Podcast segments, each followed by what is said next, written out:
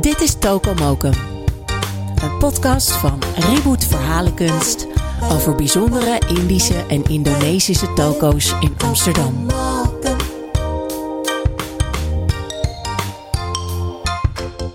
Aflevering 1: Toko Rame. Mijn naam is Elsbeth Vernout. Ik ben een van de oprichters van Reboot Verhalenkunst, een collectief van kunstenaars met Indische en Molukse roots. Ik werk als theatermaakster en ben opgegroeid met Nederlands en Indisch eten. De Indo's en Molukkers die na de Indonesische onafhankelijkheid naar Nederland kwamen, voelden de heimwee misschien nog wel het sterkst in de keuken. Toko's, vaak winkel, afhaalrestaurant en eethuisje ineen, boden uitkomst. De eerste werden in Nederland in de jaren 50 geopend.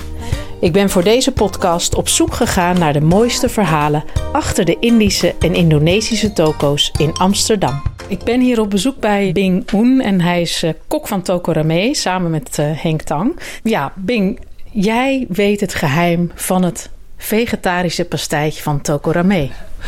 Ja, nou ja, geheim, geheim. Het, het is niet een normaal pastijtje, zeg maar. Ehm, eh, iedereen kent wel de vleespastijtjes of de kippastijtjes.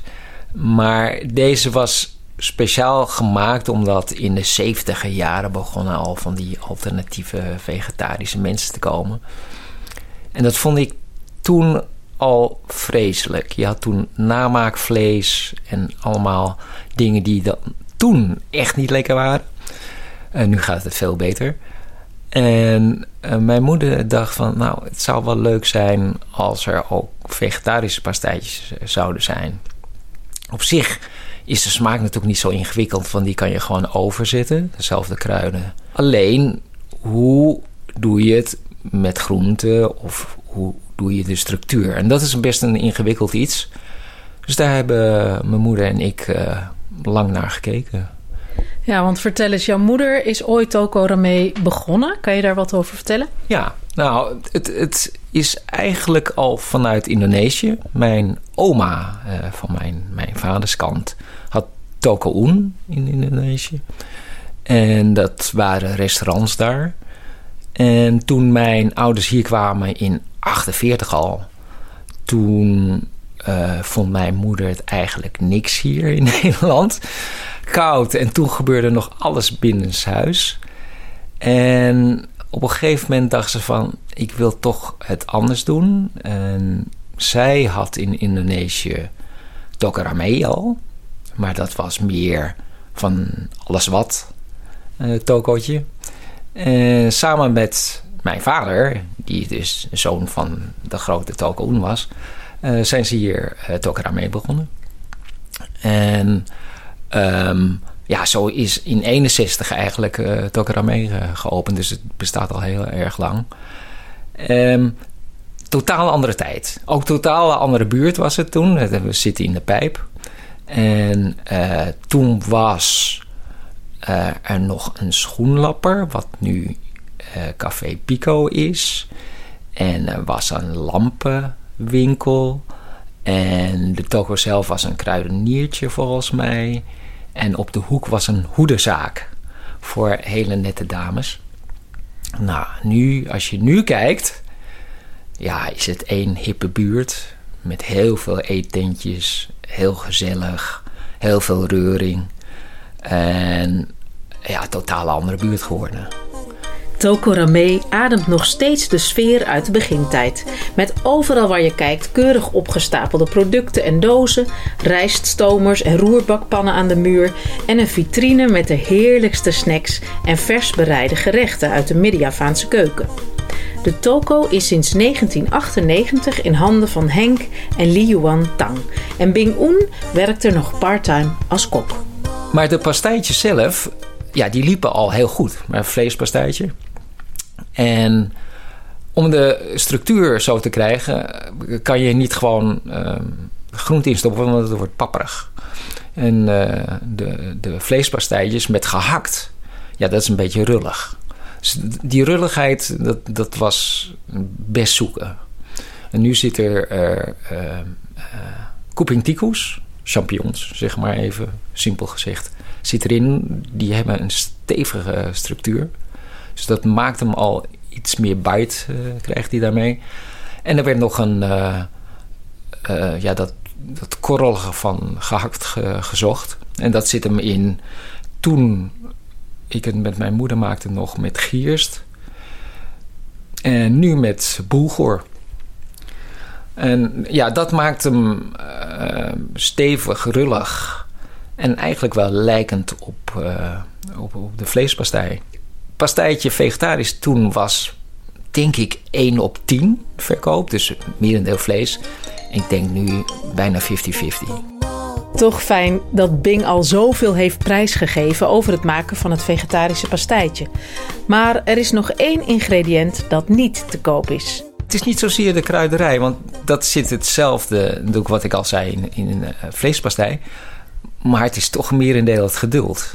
Het geduld om je vulling te laten karamelliseren. En die ketchup, die ik zei, de ketchup manis die erin zit, die laat je echt heel goed karamelliseren verder. Het is natuurlijk al zoetig. Uh, maar als je het te snel wil maken, ja, dan heeft het niet die diepe smaak die zowel de vleespastei als de vegetarische pastei moet hebben. Dus het, is, het geheim is geduld. En dat is eigenlijk bij veel koken zo. En zeker het Indisch koken is natuurlijk heel veel geduld. En, en, wat mensen ook altijd zeggen, de, volgende dag is nog lekkerder, omdat het inderdaad beter intrekt. Ja, ja, geduld dus, een schone zaak. Maar er gaat ook een gerucht dat er muizenoortjes in zitten. Het zijn uh, kleine zwarte paddenstoeltjes. Um, je koopt ze gedroogd en je weekt ze. Maar dan zijn ze stevig. Dus um, betekent uh, muizenoor. Uh, en uh, het, het, lijkt ook een beetje een muizenoortje. dat is het leuke. En als ik dan uh, vaak uh, zo'n zakje Cooping Toekio's uh, vroeger verkocht, dan zei ik, dat zijn muizenoortjes. Dan zag je mensen bedenkelijk kijken. Ik zei, ja, nee, dat is alleen maar de vertaling. Um, ja, dus die, die maken dat, dat, dat, dat je een bite hebt en dat het stevig is. Um, maar ook daar geldt weer geduld. Want je moet ze eerst goed weken. Dan moet je ze goed spoelen. Want het zit altijd wel weer een beetje zand in. Uh, en dan in het gerecht, dus als je de, de vulling, de isi maakt, dan uh, ja, moet je heel veel tijd eraan uh, besteden en heel veel scheppen. Anders brandt het weer aan. Bing Un was van 1986 tot 1998 toko-eigenaar van Ramee. Zijn domein is al sinds die tijd een kleine keuken boven de toko, die je betreedt door een smal trappetje op te gaan. Het leukste is als ik alle vuren bezet heb. Dus dat ik ja, echt vol bezig ben. Het is uh, natuurlijk in een keuken zo dat je, dat je dat moet doen, want je kan niet bij één pannetje staan. Dus het hoogtepunt is, is echt als ik alle vuren heb. En dan zit ik dus samal te maken. Op de ene en op de andere staat er iets te sudderen. En, ja, en dan moet je super scherp zijn dat je niks vergeet.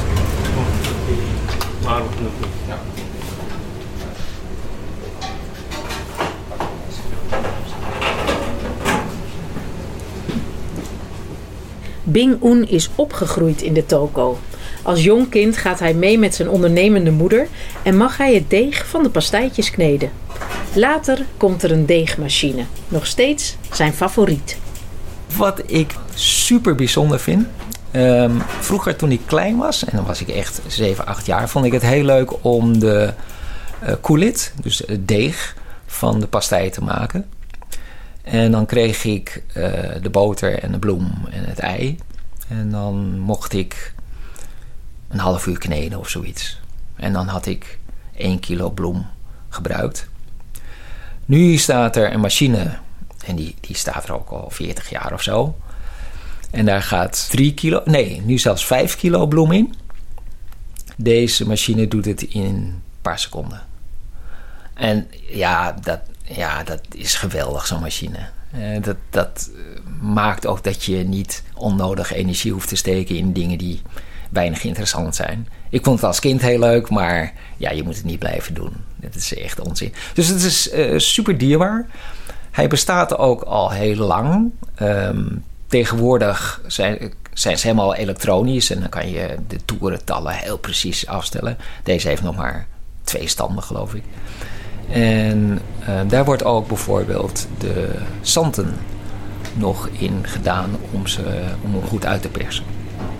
En uh, ja, dat, dat is geweldig. Zo'n machine is ook even duur als een auto. Dus hij is dierbaar en we zijn ook heel zuinig op. Maar goed, zoiets goeds blijft ook heel lang bestaan. Dus dat is, dat is een heel mooi ding. Nou, tot slot een vraag die je vast wel vaker krijgt. Hoe zie jij de toekomst van Tokorame? Ja, dat is moeilijk. Henk is natuurlijk nu de baas. Um, we werken veel samen. Um, ja, hij zal toch een richting moeten kiezen. En als ik kijk naar zijn kinderen, ja, die zullen het niet overnemen. Ik heb het dan wel van mijn ouders overgenomen. Maar ja, Henk is geen familie van mij, die heeft het gewoon gekocht. Um, het is moeilijk in te schatten. Het, het kan zijn dat uh, er iemand is die zegt: Oh, dat is wel leuk om het zo te doen. Maar het kan ook zijn dat het gewoon uh, stopt. Toko Ramee aan de Ferdinand Bolstraat 74, vlak naast de Albert Kuipmarkt. Ik hoop dat de toko nooit stopt. Wat zou Amsterdam zijn zonder deze legendarische toko? Ga er vooral langs. Uiteraard voor de pastijtjes, maar ook voor de geweldige timpemanis en de zelfgemaakte sambals. Of gewoon voor een praatje met de vriendelijke eigenaren Henk en Liuan. En wil je meer weten over toko's in Amsterdam? Bezoek dan de expositie van Reboot Verhalenkunst Toko Mokum in het Amsterdam Museum aan de Amstel. Nog tot en met 28 januari 2024 te zien. Met onder andere een videoportret van Toko Rame. Slamat makan! Dit is Toko Mokum. Een podcast van Reboot Verhalenkunst over bijzondere Indische en Indonesische toko's in Amsterdam.